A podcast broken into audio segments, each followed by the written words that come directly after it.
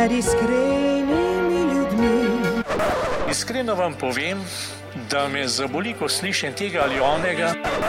Prejmite, prosim, iskreno uh, izraze mojega obžalovanja. Well, I think that I'm an honest person. I feel I'm an honest person. Težko je biti pameten, če sem čest iskren. To je doista bila moja iskrena želja. Iskreno hvala vam za vse, kar počnete. Kakšna lepa zgodba, iskrene čestitke.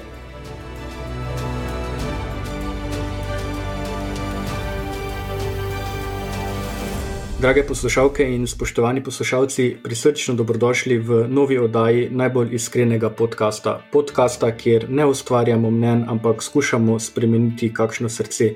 Moje ime je Dušan Posvek in v današnji oddaji se želimo dotakniti nekaterih vidikov, ki jih v naše družine in v naše odnose prinaša ponovna uvedba omejitvenih ukrepov zaradi koronavirusa.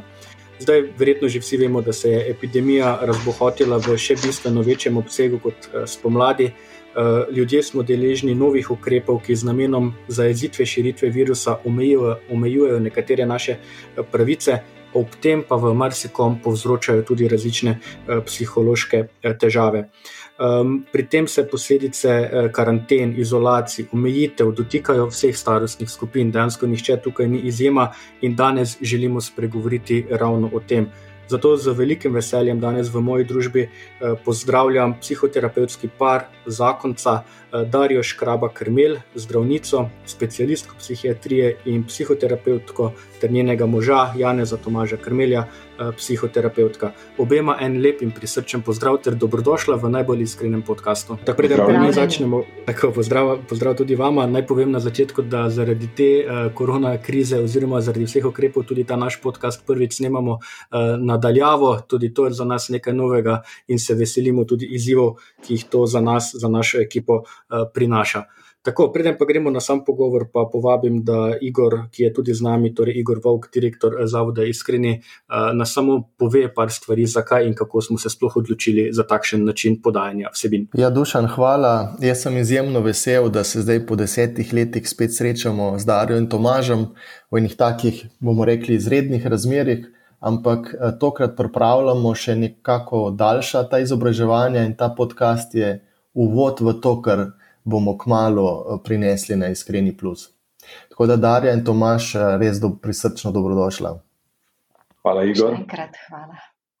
Tako, ja, Igor, hvala za, za ta uvod o tem, o čemer si zdaj ti že omenil. Bomo tudi v prihodnje naše poslušalce, seveda, pravočasno obvestili preko naše spletne strani in preko vseh družbenih omrežij, kjer smo prisotni. Uh, Darja, uh, Tomaš, pa mi kar začnimo, pa recimo takole za uvod. Povejte, najprej, kako pa vidva doživljata to situacijo, v kateri smo se ponovno znašli. Beskar Dari dal besedo. Jaz z besedami malo lažje, Tomaš, pa tiste bistvene poudarke, ponavadi je tako. Eno je ta vidik, da je veliko, veliko pritiska od zunaj na naju. Po drugi strani pa, kot vedno, kadar so stiske ali osebne ali zunanje, se še bolj poveževa in še bolj pritisneva na, na Boga. Tako da je ta čas še več molitve, še več gozda, kolikor nam le uspe, pa še več pogovorov, včasih sva res od jutra do zvečer, Tomaš se poheca da skoraj kakšnega pacijenta Včasih še kakšnega pacijenta s sabo vzame v posteljo. še zmolva na koncu, še za unga, pa še za tega, pa še za tega. Tako da je ena poglobitev zaupanja in hvaležnosti. Se srečujeva zdaj pri najnem delu tako z posledicami izolacije, izolacije, in kjer se, kjer se naši notranji strahovi potem to bolj pokažejo, kot s strahom pred boleznijo. Torej, kaj narediti, da se ne, da se ne bomo okužili, da ne bomo zboleli, da ta strah pred trpljenjem. In tudi zaradi teh razmer, kakršne so, videvava, ja, kot je Tomaž rekel, stvari pridejo še bolj do izraza. Prej so jih ljudje mogoče s športom, z druženjem, z drugimi stvarmi nekako regulirali, zdaj pa pridejo še bolj do izraza lahko napetosti. No, nekatere so pa res umetno ustvarjene, recimo veččlanska družina v stolpnici, kjer delata starša od doma, otroci šolanje od doma, mali prostori res prinesejo, bi rekla, neobičajno več napetosti, ki jih sicer ne bi bilo. Tako da to je nekaj, kar ta situacija ustvarja in je dobro se naučiti s tem živeti, vsak pri sebi se naučiti, kako se umiriti, kako najti en prostor, čas za odmik, da tudi se obnovi.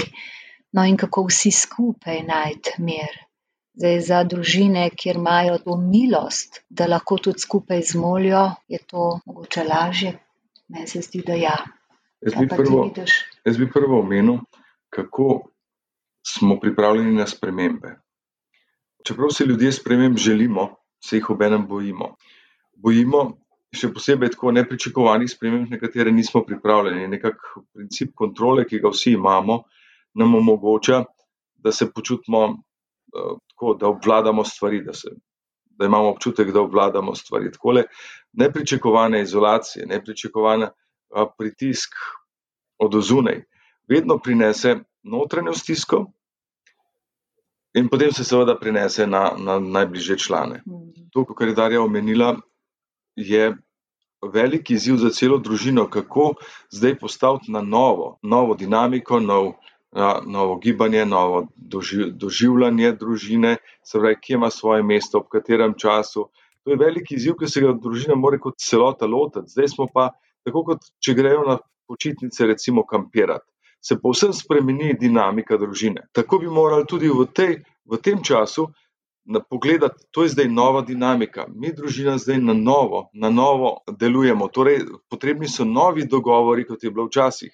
In s tem se zmanjša, recimo, neka tenzija znotraj medosebnih odnosov. Na novo se naučimo, novega delovanja. Vedno je priložnost, vsaka stiska je priložnost, kot je Tomaš rekel, spremembe v življenju. Ne? Če dobro pogledamo, vse spremembe so najava tudi novih možnosti. Recimo, ko zobki rastejo, pa pa lahko grizemo, najprej hodimo, pa kokrat smo padli na rito. Pa potem pa smo morali paziti, da smo se naučili in pol hodimo, imamo novo stvar.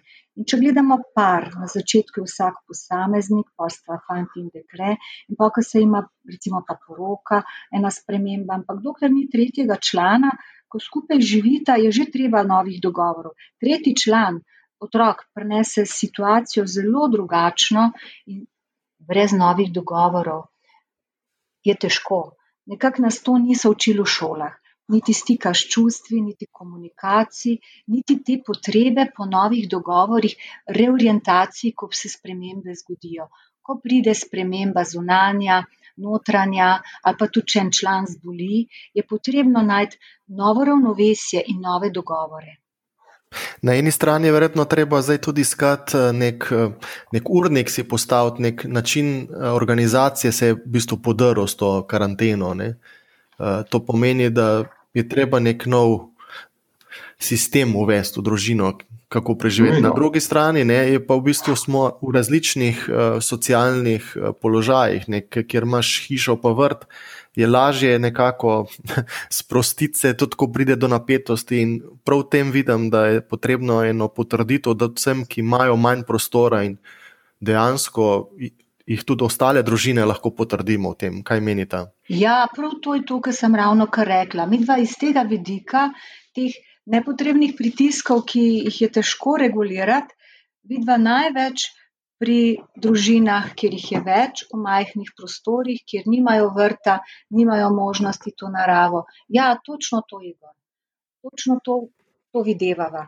In to, kar si ti povzel, dogovori predstavljajo seveda tudi urnik in vse to, kar si rekel, ne, načini regulacije, vzpostavljanja ravnovesja.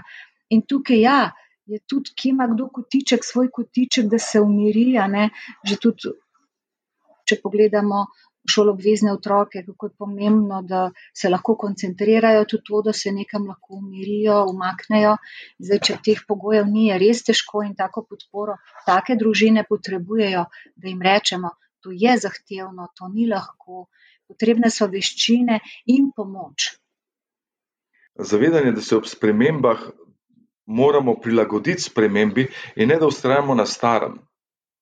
To, to zavedanje je prvo pomembno kot preklop, aha, nove, nova situacija, novo dogajanje. Res, da so to, da imamo ljudje spontane, samodejne sposobnosti, da se prilagajamo spremembam. Ampak vsaka sprememba prinese stisko, da, ne, da pa je ne prenašamo na družinske člane, je to, aha, zdaj pa sestanek, nova stvar, nov, nov pogled, novi dogovori. Zdaj bo do, v naslednjih 14 dneh ali naslednji mesec, bo pa zdaj drugače. Torej, tukaj ti Tomaš rekel, da povzamem. Podzavest naša se vedno, vedno podzavest izbere staro znano. Nove stvari so ji grožnja, zato se vedno v stare vzorce vrača. Se pravi, v družini starša predstavlja, to je nova situacija, v kateri še nismo bili, oziroma jo poznamo iz takšnih stanj, kot je recimo Tomaš asociral kampiranje. Tisti je tudi zelo drugače. Ali pa, ko gremo v hribe, tudi ne jemo kosila, tako jo tudi prilagodimo drugače. Se pravi, to je nekaj, kar v enih delčkih že poznamo, nekaj pa še ne poznamo.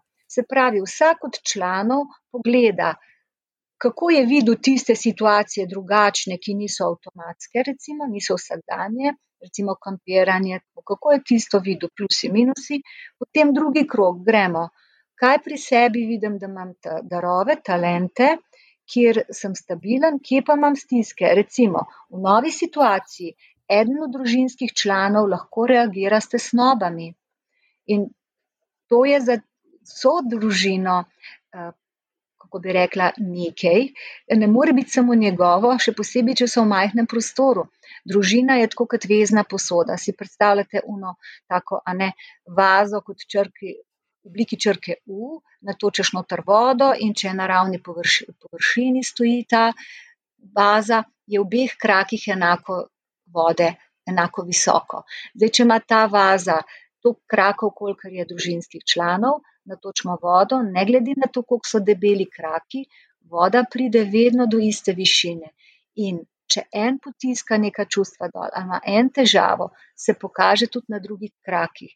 Torej, v razumevanju in iskanju rešitev te situacije zdaj, ki nam je prinesla spremembe, je pri družinah potrebno videti, da je družina celoten sistem in upošteva, da vsak član vpliva na na odzivanje te skupnosti. Torej, ko gremo gledat, vsak član pogleda svoje pluse, oziroma bomo rekli, rajši talente in šibke točke.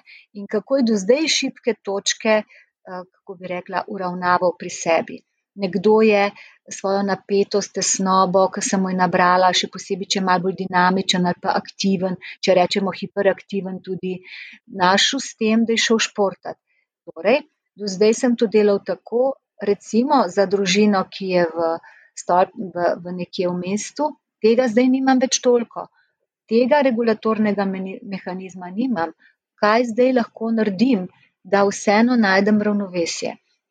Tisti člani družine, torej, ki zaradi koronskih ukrepov ne morejo vzdrževati svojega notranjega ravnovesja na način, kot so ga prej, tisti morajo vsak pri sebi najti in skupaj v družini podebatirajo, kaj bi bil za njih najboljši način. Vsak pri sebi in drug za drugega, in je pomembno, da smo sočutni. Nekdo, ki ne potrebuje toliko gibanja, morda ne more nikoli razumeti nekoga, ki pa potrebuje gibanje, da sploh lahko razmišlja, pa da je sproščen, oziroma mogoče bolj pozitivno, tudi čustveno naravnan. Zato je to čudovita priložnost za učenje skupaj v družini. To je nekaj, kar bi si lahko samo želeli. Tako naj bi tudi sicer se učili v družini in ta okoliščina zunanja, ki nam je pritisk, nam v resnici da priložnost. Če povzamem celoto, m, družina je okolje, kjer so pomembni pogovori, kjer se pogovarjamo. In če je družina navajena že pogovorov, bo to speljala tako spremembo, bo speljala mnogo lažje. Kakšno spremembo? Govorimo postaviti novo realnost, nove zadolžitve, nove aktivnosti. Da, ravno kar rekla, kako zdaj pa recimo nove aktivnosti delati, da bomo imeli telovadbo, pa da ne bomo, da ne bomo, ker ne smemo iti na izlete. Kaj bomo lahko, kako bomo te aktivnosti zdaj speljali? In še tretje, pogovor o čustvih. V tem času še posebej tudi o strahu. kako kdo doživlja, zakaj smo tukaj, zakaj, kdaj bomo zboleli ali kako bo, ko bomo zboleli. Mm. Se pravi, družina ima zdaj, če niso do zdaj upletli tega pogovor kot, kot uh, vrednoto, kot uh, druženje, kot, skupne, kot skupni, skupen čas, potem je to zelo, zelo lep čas, ta korona, da se naučijo. Zato, ker mnogo lažje bo družina kot celota delovala. In ne, da bo en vlekel v eno smer, drug pa v drugo, ali pa da bodo vsi samo javljali, joj, kako ni tega, joj, kako ni onga. Pa če še jaz tu naredim povzetek, vidva, kot sem čist na začetku rekla, da družine, ki so bile že prej navajene, recimo zmolt, ustaviti, da jim nekako to lažje gre. Se ne rečem, da kakšne družine se pogovarjajo tudi tako, da ne, ampak če pa je molitev, se pa lahko še ta strah, ki ga je Tomaš omenil, ki ga v vseh družinah je zaznat, vsak član po svoje, se naslon na Boga, na nekaj, kar je vredno in večno. Vse stvari se spreminjajo, vse se spreminjajo, tudi prijatelji, ki še ne grejo, vse sorte se dogaja, službe grejo, spreminjajo se pogoji, Bog pa ostane. In on je vedno isti in to lahko še vsakič globje poglobimo, kako je meni Bog zaupanje, kako je meni varnost. In tu lahko vsa družina, lahko otroci vidijo, kako se oče naslon skupaj. Veliko družin mava, ki so rekli, zdaj smo pa še poglobili to povezanost v molitvi, ki se je že prej malo razpršila. Vse je strah in se skupaj zberemo bolj kot prej, tudi če so že najstniki in tako. Mava za to izkušnjo, da so, so rabili samo malo smeritve z najne strani in jim je zlažje steklo, ti, ki so že prej imeli eh, skupaj se dobiti, si podeliti. Tudi konc večera, ko pogledajo dan, lahko to vse z Bogom naredimo. Pogledamo dan in se zahvalimo za darove, za, za spoznanja, tudi za težke stvari, kako jih z Bogom, kar On dopusti, je možno obrniti v dobro, kako jih z njim lahko obrnemo v rast. Čudovito sta nekako zaključila, uh, mogoče ta naš prvi sklop, uh, ko se pogovarjamo o tem, kako se sploh uh, soočiti z novo uh, nastalo situacijo, s strahom in podobno. Uh, bi pa vam rad tako le izval, recimo, kako pa se na drugi strani soočiti uh, z osamljenostjo. Ne? Vemo tudi, ogromno je uh, primerov, ogromno je ljudi, ki so v tej izolaciji, v tej karanteni ostali sami v svojih stanovanjih. Da ne govorimo o domovih za upokojence, ker prav tako narašča ta Eh, strah pred osamljenostjo, tudi obiski so zelo omejeni, če sploh so, večinoma jih niti ni. Kako pa se naj, recimo, posamezniki soočijo ravno s tem, da jih osamljenost oziroma ne bo uh, potisnila v še hujše brezno te situacije? Spet bom nadaljevala in spet s tem istim, kar sem tokrat spoznala. Od srednje šole, ki sem spremljala umirajoče do zdaj, tisti, ki ima odnos z Bogom, ga vedno lahko poglablja, nikoli ni sam, vedno, na, vedno je čisto malo potrebno, razen če gre za hudo bolezen, za depresijo, če gre za, za neke stiske, ko se človek tudi v odnosu do Boga znajde v, v stiski, da rabi pomoč. Ampak, kolikor vem, vedno je na voljo, kje je kakšen ali duhovnik ali prijatelj, da mu povemo. Bolj bi rekla to, da bi opogumila ljudi, da povedo. Telefonov je zelo veliko, ki so za stiske prav namenjeni. Jaz sem šla danes pogledati, asistentka mi nama pripravlja. Kjerkoli v zdravstvenih domovih, po celi Sloveniji, pa vsej Sloveniji, je NIZ omogočil, da so pogovori možni. Pol je še posebej psihološka podpora za epidemijo v zvezi s COVID-om, prav na NIZ, direkt tam pol, imam, pol je center za duševno zdravje, pol sem Marijan telefon, to so vse celo brezplačni pogovori. Pol imate sočutni telefon pri hospicu, pa, pa za otroke, pa dom, pa mnogo možnosti je, samo da si ljudje dovolijo govoriti.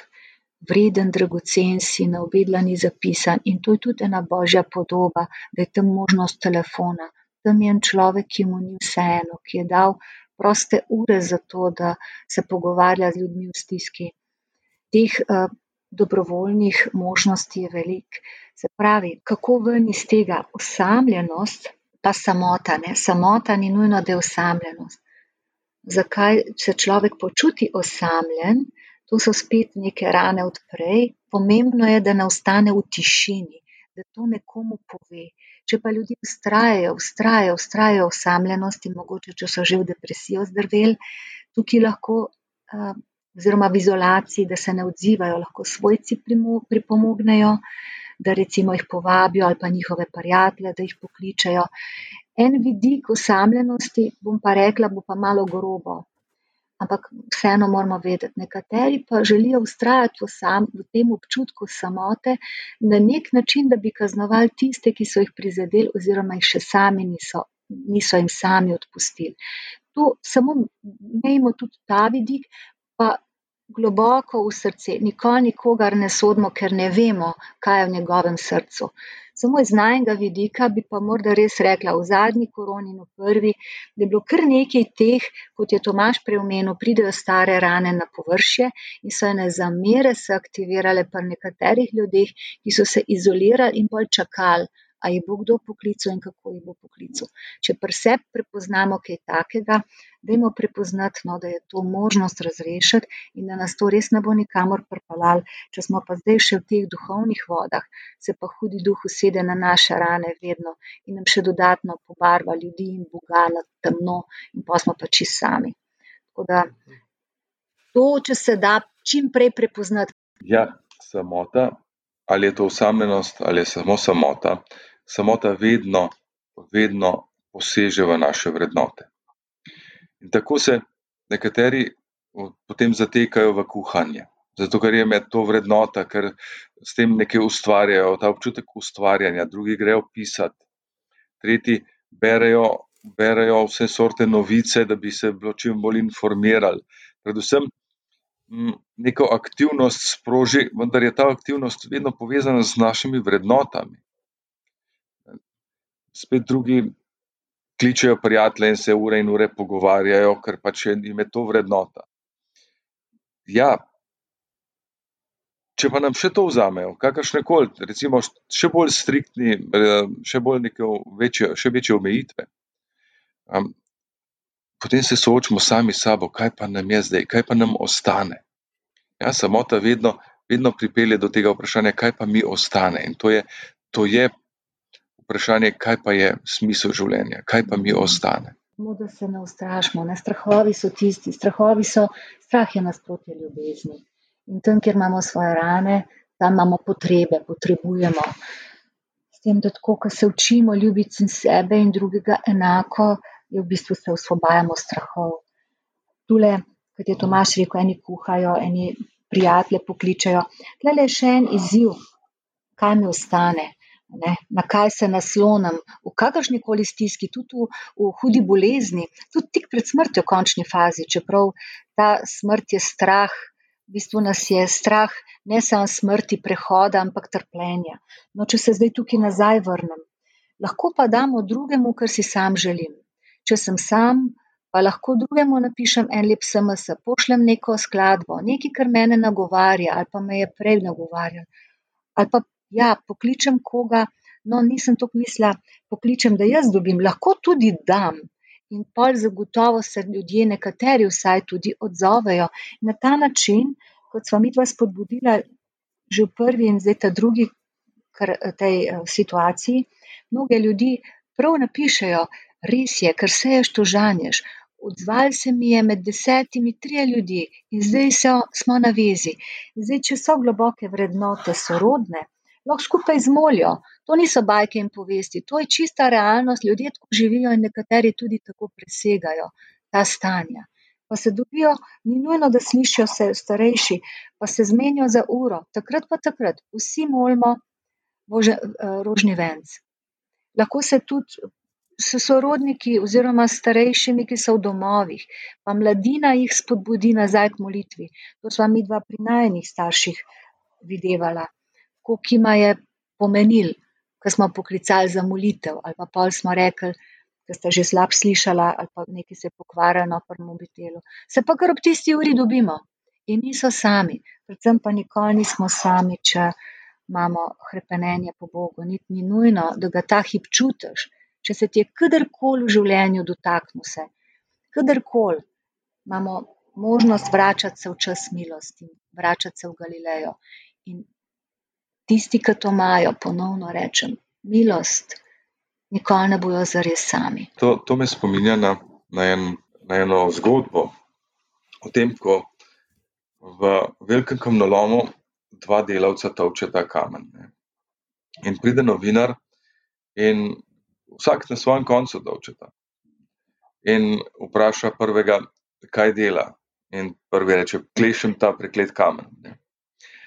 A, pa vpraša drugega, pa reče: Ah, jaz sem pa član velike ekipe, ki gradi katedralo, in jaz tu oblikujem kamne za, za najbolj pomembne vogale katedrale. Zdaj pa razmislimo, kako bi tudi ti ljudje, katerekoli, ki so osamljeni, potegnili v nekaj, da bodo del nečesa, nevidnega. On v te katedrale morda ta delavec sploh ni videl v kamnolomu in morda ne bo nikoli videl.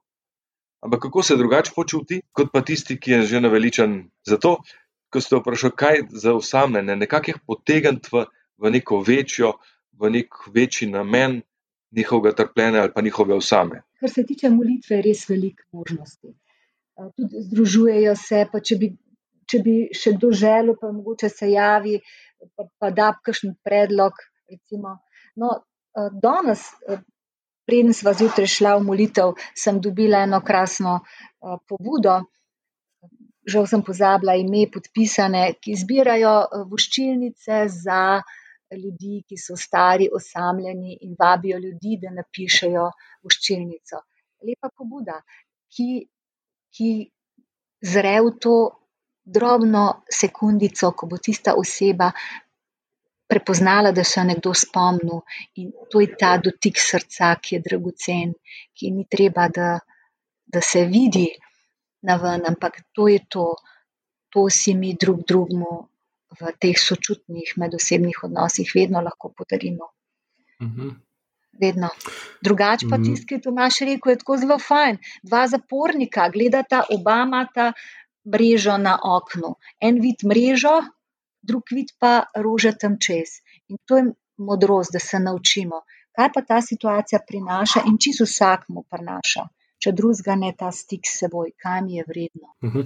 In ko praviš tako, Darja, kaj, ta, kaj ta situacija prinaša k vsakemu izmed nas, je pa eno izmed po mojem mnenju, tudi eh, bolj pomembnih vprašanj, tudi kaj pa takšna situacija prinaša našim otrokom, torej najmlajšim, tistim, ki so najprej, ki smo jim starši najprej mogli nekako razložiti, kaj se sploh dogaja, zakaj so toliko doma, zakaj ne smejo, ne vem, tja, kot bi si sami želeli, na različne aktivnosti v šole, v vrtce in podobno, zakaj tudi prijateljev vidijo manj, kot so jih videli v, v preteklosti. Pa tako, če lahko mogoče vidva malo ocenita, kaj so tisti največji izzivi, ki jih tudi vidva opažata pri celotni situaciji, pri celotni situaciji, ko pa se pogovarjamo o otrocih, torej o tem, kako zadeva vpliva na njih in kako jim pomaga, da bojo to obdobje preživeli z, bom rekel, s čim manj praskami.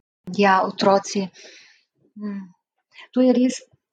Da ni lahko staršem, ker je to čisto ena nova situacija, in toliko prisotnosti strahu je težko majhnim otrokom razložiti.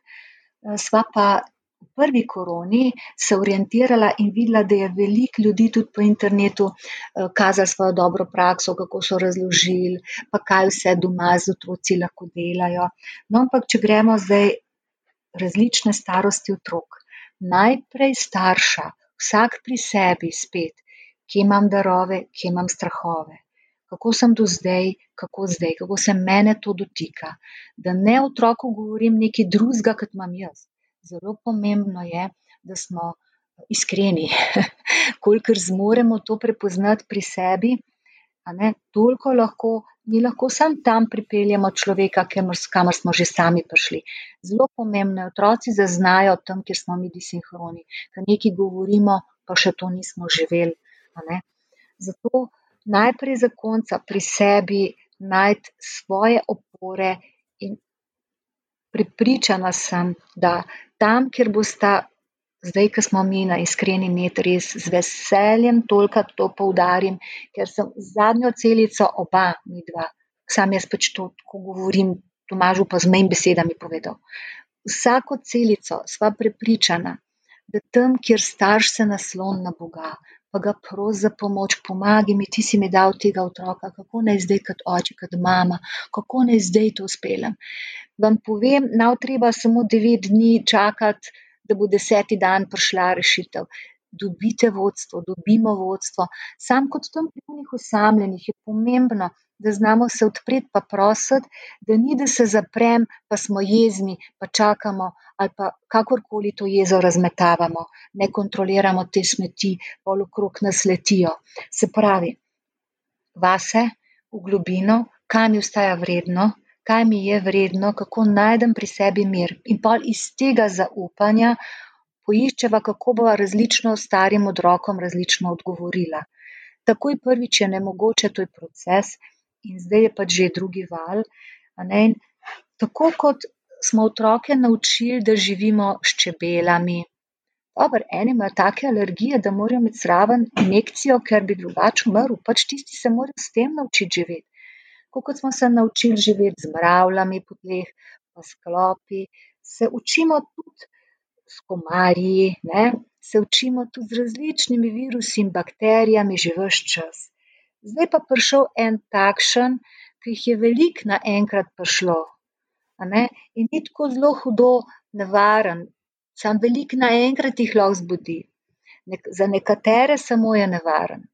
In da jih poučimo recimo, če zdaj kar tukaj konkretna sem, to, kar se meni zdi kot zdravniku, sem res veliko naštudirala, vse različne poti, maske, ja, ne, gor, dol, cepljenje, gor, dol.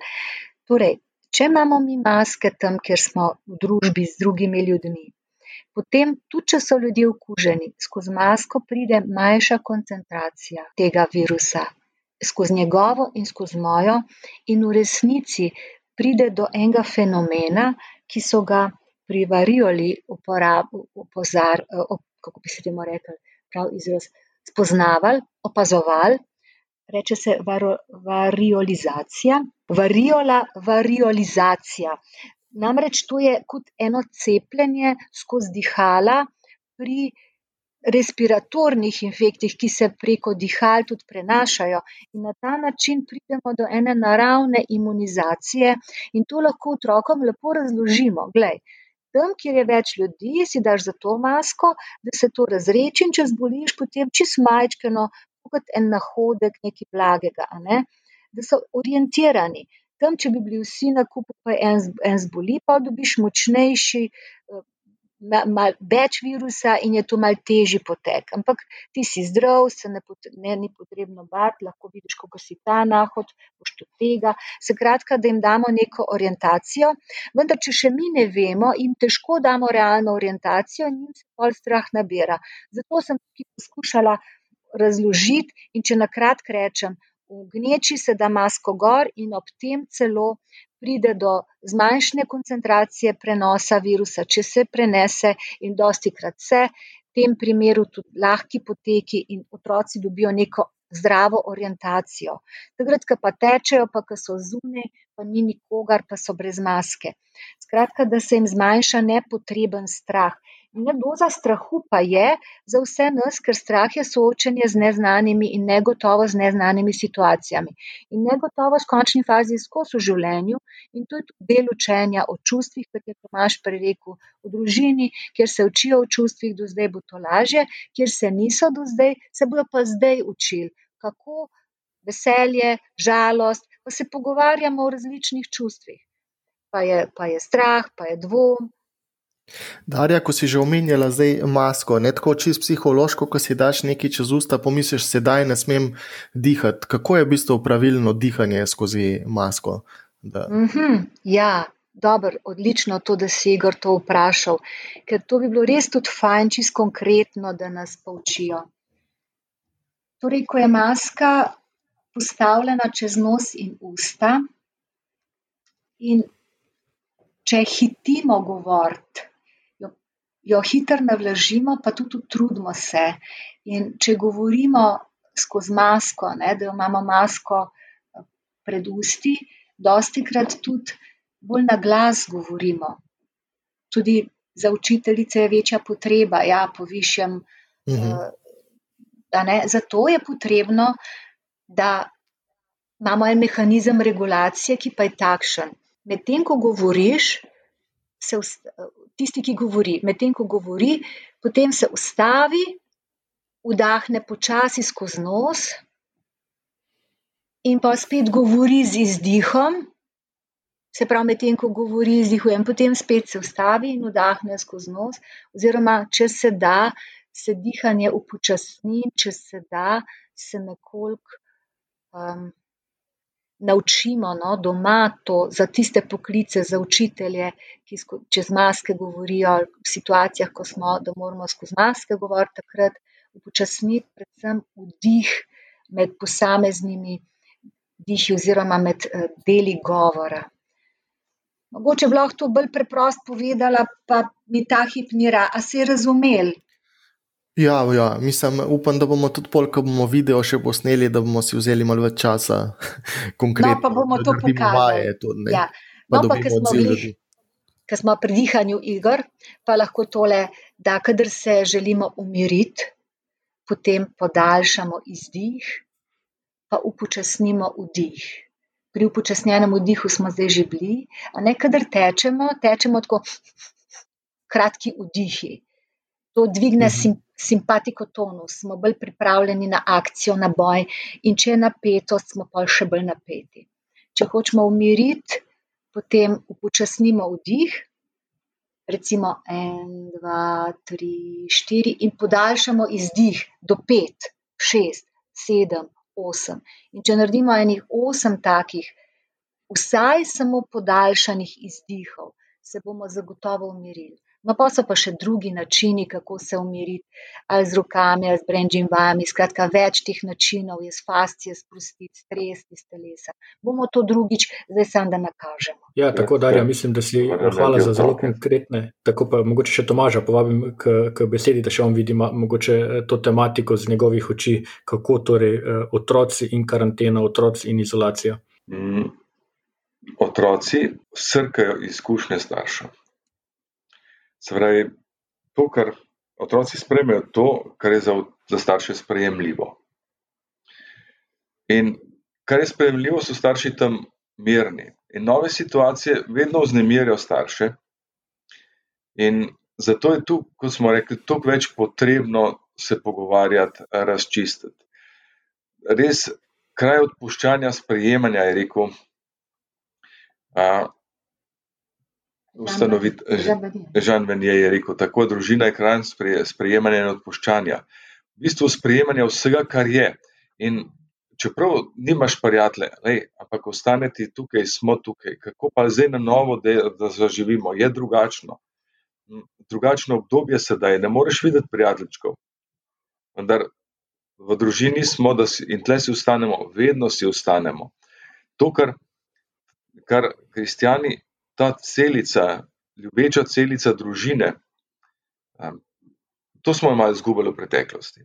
Zdaj poglobimo in tako, kot si ti prej rekel, da je to podpora družinam, recimo, ki so v stolpnicah. Ja. Pa lahko, recimo, lahko nariše ta otroček, ne, ne more se družiti s prijateljčkom, ali jih pa učimo, kaj pa lahko. Sej tokrat v življenju še nav je vse poti odprte, ne moreš, mm. ne moreš. Kaj pa lahko? Kaj lahko tako, da je za njega in za te dobro? Pa kdaj mogoče greš malček čez, pa daš darilo prijatelju, narišeš sliko. Pa pa se na ta tehnologija, wireless, je zdaj v tem primeru dobro prišla prav. Pa lahko pošleš slikico, recimo, to sem pa zate narisal, ali pa danes smo se spominjali smo se, pa družina cela, vsa družina, lahko se recimo spominja, kaj je ob tem dnevu pred enim letom bilo. Smo se družili s tistimi, še vedno nam je lepo, ko se spomnimo to, to, to, to. Danes sem vas spomnil, otroci so narisali te slike, pa tistim otročkom, ki so v stolpenci. Zdržite, to ni lahko, bomo se spet družili, bomo šli skupaj tja, tja. spet prijete na naš vrh. Da ostaneš povezan v enem odnosu, Mm. prav Mhm. prek telekomunikacijskih. Mm. Ja, ja. Mhm. In v molitvi.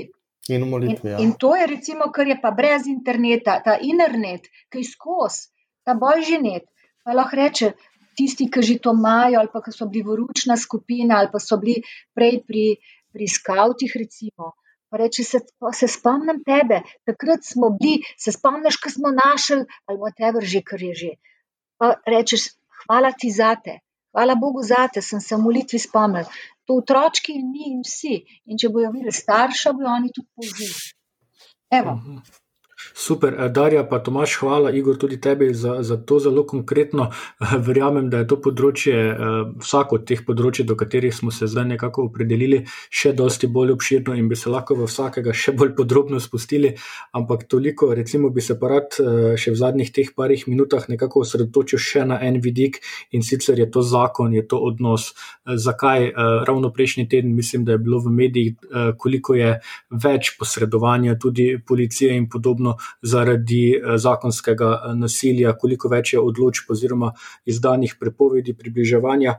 Pa me zanima, eh, Darja Tomaš, vemo, da, je, da smo se mogli tudi zakonci navaditi na to, da smo več drug z drugim, zdaj nekaterim je to bliže, nekaterim pa je to povsem novo področje, povsem novi občutki pa me zanima tako malo vajen eh, pregled tega, kako predvsem tisti, ki, res, ki res niso navajeni biti skupaj, eh, živeti skupaj, eh, ki so bolj navajeni, da dan bolj kot ne poteka vsakemu posamezno in se vidita mogoče par minut zjutraj, par minut zvečer, kako pa naj se takšni pari, takšni zakonci lotijo tega obdobja, lotijo svojega odnosa, da ne bo to pripeljalo do teh eh, neželenih učinkov, o katerih lahko beremo in ki so dejansko realnost med nami. Ja, to je zelo res. Kot smo danes že rekli, okoliščine, ki pritiskajo, naše stare rane dvignejo in pri vseh nas povečajo negotovost in strahove. In odvisno od tega, kako strahove razrešujemo.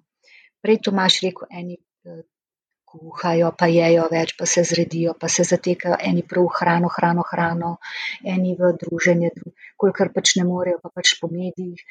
Tretji v alkohol. Skratka, več je zdaj zatekanja v alkohol, zato je tudi mi z prav linijo za, za tiste, ki imajo težave s tem. Vem, da so razmišljali, ne vem, ali so zdaj že realizirali. Skratka, te stvari večji, ko so napetosti, manj, ko imamo možnosti regulacije, več je teh rešitev z alkoholom ali z napetostmi. Sej alkohol v večini je razreševanje stisk. Malo, malo, malo je tistih, ki zaradi žura to delajo. Ampak zaradi stisk, poskus medikacije, samega sebe umirjati, antidepresiv in anksiolitik se sproščati. No, Zdaj, zakonci, situacija družine, ki niso vajeni biti skupaj, zelo pomembno, da se naučijo dogovorov. Mogoče eden od teh od zakoncev, ki je bolj komunikativen in mu je to bližje, res pokliče eno od teh telefonov, da jim svetujejo, kako naredijo dogovor, kakšen dogovor, kako vsak zase najde kotiček časa in prostora kako ona dva skupaj in kako družina skupaj. Bolj potrebno pregledno narediti in strukturo narediti, pa bo lažje. Ko je recimo isto je pri vožnji z avtom za posameznika in isto recimo pri plesu, ko se učimo za par. Na začetku gremo čisto po korakih, tap, tap, tap. Pol pa že lahko plešemo in zdaj družina, ki je vajena, plešemo spontano tudi, ne. In družina, ki je vajena teh biti vsak sam, skupaj, starša kot partnerja, starša kot starša v dogovoru in družina v celoti, in posamezni člani tudi. Taki družini bo tako kot ples, ki ga že obvladajo, to lahkotneje.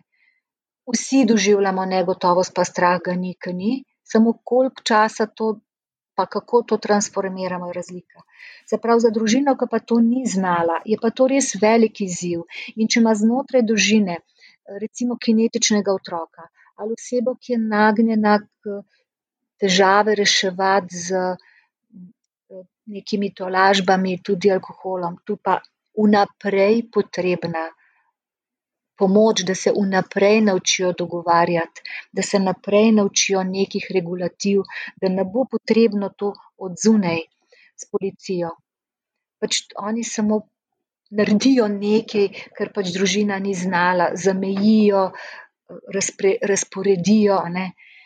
Ja, res je, mi dva, viš, vi, vidva tudi veliko take sorte uh, stisk, ko recimo so zelo odgovorni uh, starši, recimo očetje, zaskrbljeni za preživetje družine, ker imajo ali tako dejavnost, ali tako se jim je zgodilo, da potem ta napet oče ne zna s to svojo napetostjo, ali še nikoli ni to tako bilo, tako skoncentrirano. Ne?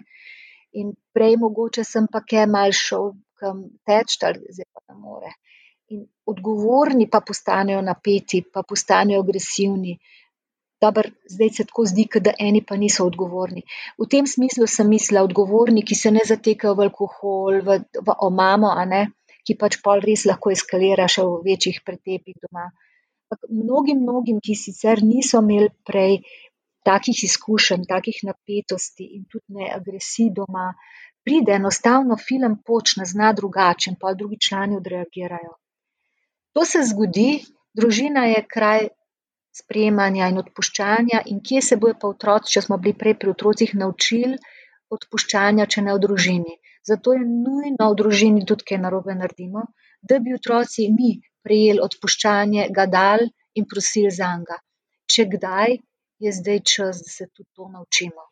Ker v napetostnih situacijah, slej ko prej bo en odreagiral drugače, kot bi rad ali bo se zdrl, ali bo že kaj, no? ali bo vzel unmu iz hladilnika, čeprav ve, da je njegovo, že neki. Se pravi, vsak se zaveda v družini, da ni lahko obdobje, da se vsi učimo, in če naredimo narobe, vnaprej se temu tako reče.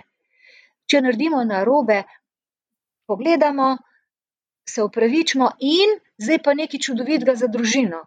Kaj lahko pa drugič naredimo drugače? Ima lahko družina čudovito priložnost igranja vlog. Dajmo za enkrat še enkrat zavrteti nazaj. No, to, to je zelo praktična stvar, bomo drugič več.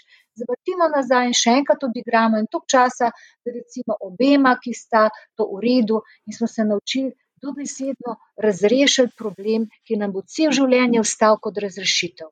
Še toliko bi se dal reči, še toliko, ampak recimo, da podarimo dogovori, dogovori, pa da vsak sprejme odgovornost za svoje dejanje, da ne reče: Jaz sem te zato udaril, ker si ti prej jezikala, ali sem te imel poln kufr, pa jenje drugič prej. Se pravi, ja, to, da sem udaril, ni v redu, oprosti mi. Ona pogleda vase, svoj delež in če oba to tako, kako lahko drugič narediva drugače. To je to. Da si dovolimo, kot smo danes povabili, stik s svojimi čutenji, vsi pravico imamo do strahu, do napetosti, do negotovosti, tudi do napak. Se pravi, in si dovolimo prositi za pomoč od osamljenih do vseh nas, prositi za pomoč in se opravičiti, odpustiti, da ne nosimo teh praznih konzerv naprej. Odpuščanje je to pomembno. Jaz osebno, zdaj, ko sem prebolel ta COVID, sem vedel, da si moram dovoliti, da sem ranljiv, ne pa da ostanem v odnosu z Majo. Na drugi strani pa je zanimiv fenomen, prej Tomaš si omenil, da nekateri se zatečejo novice. Jaz sem dejansko veliko bral ne, in pol mi Maja reče, ampak jaz mislim, da ti, Igor, čist malo preveč bereš tega. Ne. In pol, ko sem se postil, dejansko sem se prav zavestno odločil, da ne bom več crkal teh negativnih novic. Ne sem pa popoln v tem miru zaživel. Ne? Miru, kar je pač v družini možen mir, ne? ampak tudi, tudi v odnosu z otroki, pol so zaznali, da v bistvu sem se preklopil nazaj, ne? nisem bil enem svojem strahu, tesnobi, ne? tudi razmišljaš, kaj bo vse s službami. Ne? Tako da, posebej očetje, smo ogromno lahko obremenjeni, če smo za neke stvari bolj odgovorni. Ne? Ja, ja. Ta, je, ta kolektivna kolektivna psihoza, ki se, ki se poganja, ker strah enega požene strah drugemu, mm. od oba strahova požene ta strah še tretjemu. V bistvu se strahovi zelo množijo in kakorkoli so te, so te mediji ali pa te nove napravice, pri katerih komuniciramo, uporabne za komunicirati, je prav, če pa želimo strah raz, razširiti, je pa to fantastičen kanal. In tu, tu je spet zavedanje. Danes smo se večkrat dotaknili zavedanja. Zavedanje sprememba je. Torej, kaj zdaj na novo postaviti? Zavedanje, kako, kako delovati, zavedanje, kaj s svojim strahom, zavedanje, kako, kako sem izdeloval do tebe in vzeti svoj, svoj delež nas je kot zavedanje, kaj pa meni, recimo, prav te zunanje okoliščine, kaj v meni izbujajo, kaj se mm, dogaja v meni, in potem, ja, seveda, pa pa postavim spet vrednote, spet smo pri vrednotah. družine kot vrednote. Moram reči, da partners odnos kot vrednota. Mislim, to se zdaj pokaže, ali imata partnerja odnos kot vrednoto, ali imata samo sobivanje, morda cimra, kot dva cimra. Ne? Ali je družina, ali ima družina postavljeno, mi smo zdaj družina in smo vrednota, ali je to družina samo nekaj, kar, kar jim grede nastane, medtem ko upravljamo drugih, druge stvari. Ne?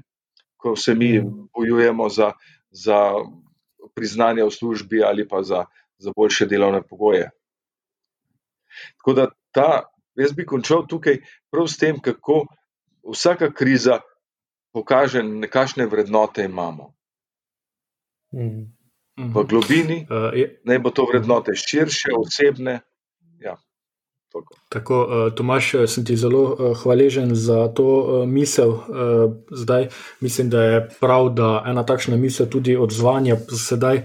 Ko počasi zaključujemo ta naš eh, pogovor, eh, vemo, vsi vemo, da smo se zgolj površinsko dotaknili nekaterih vidikov, eh, ki jih ta korona kriza in ta epidemija prinaša v, v naše družine. Ravno zaradi tega pa vam, spoštovani poslušalci eh, in spoštovane poslušalke, eh, obljubimo in vam nekako. Eh, Danes napovedujemo dodatna izobraževanja, ki jih bomo kmalo objavili na naših spletnih straneh in na naših družbenih omrežjih.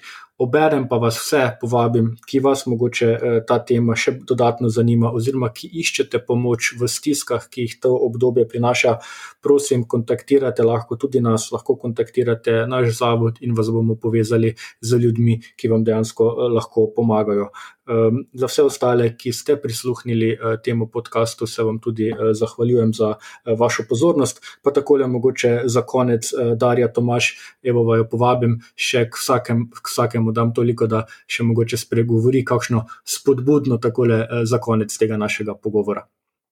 Ja, zdaj so pa kar tiho, malo. Ampak, zato, ker je tako uh, lepo, je čutiti skupnost zadnji za vama, um, kjer je toliko iskrenega truda za to, da bi vrednota odnos do sebe in do tebe, ki si moj zakonc, do tebe, ki si so starš, do tebe, ki si moj otrok, za to ljubiti sebe in drugega, za te neskončne usničke drug v drugem, se od vsakega nekaj naučiti in vsak se zavedam, se od mene lahko nekaj nauči. To je tako um, lepo druženje bilo meni, da z veseljem še naprej sodelujem z vami, s to skupnostjo, ki jo čutim v zadju, ko smo se prej dotaknili samote in povezanosti. Čutiti je v vajnem odnosu in čutiti odnose vseh, ki so zadnji za vama in to je to. In tako, ko otrok to odnese v življenje, ko bo tudi sam samostojen, to ostane, to ni odvisnost, to ni navezanost, to je to, kar je ena zdrava poslanica povezanosti v življenju. Ja, skupnost je, je res nekaj, kar bi tudi jaz poudaril po vsem tem pogovoru. Skupnosti se učimo že v družini, ko dobimo zgled skupnosti v družini in jo potem na nek način vodimo naprej. V skupnost nas tudi Gospod vabi, ker je On sam skupnost in nas, in če smo mi božji, božja slika. Potem, potem tudi smo, imamo to potrebo po skupnosti, čeprav ja, skupnost je pa tudi kraj, kjer je nekaj težkega, ker se vedno dogaja, dogaja tudi a, sprejemanje učenja in različnost, ki je, ki je včasih tudi težka. Vendar skupnost je rešitev in živeti skupnost je pot naprej. To smo danes vse čas videli, odnos, odnos, odnos.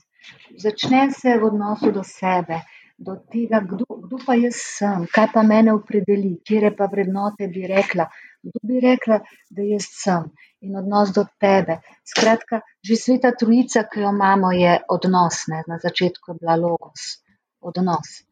Tako da ja, to je zelo dragocena vsebina danes. Vse te korona, še posebej, vedno odnos in na kakšen način živeti odnos.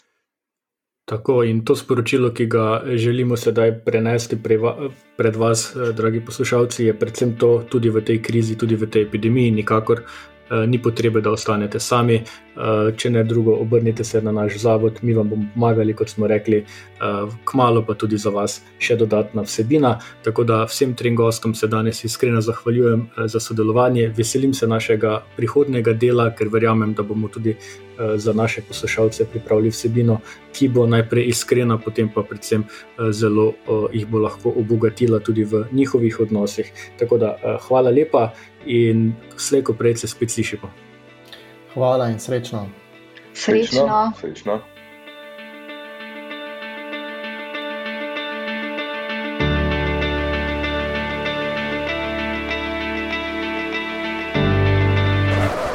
Med iskrenimi ljudmi. Iskreno vam povem, da me zaboli, ko slišim tega ali onega. Prejmite, prosim, iskreno uh, izraze mojega obžalovanja. Well, I think that I'm an honest person. I feel I'm an honest person. Težko je biti pameten, če sem čist iskren. To je doista bila moja iskrena želja. Iskreno hvala vam za vse, kar počnete. Kakšna lepa zgodba. Iskrene čestitke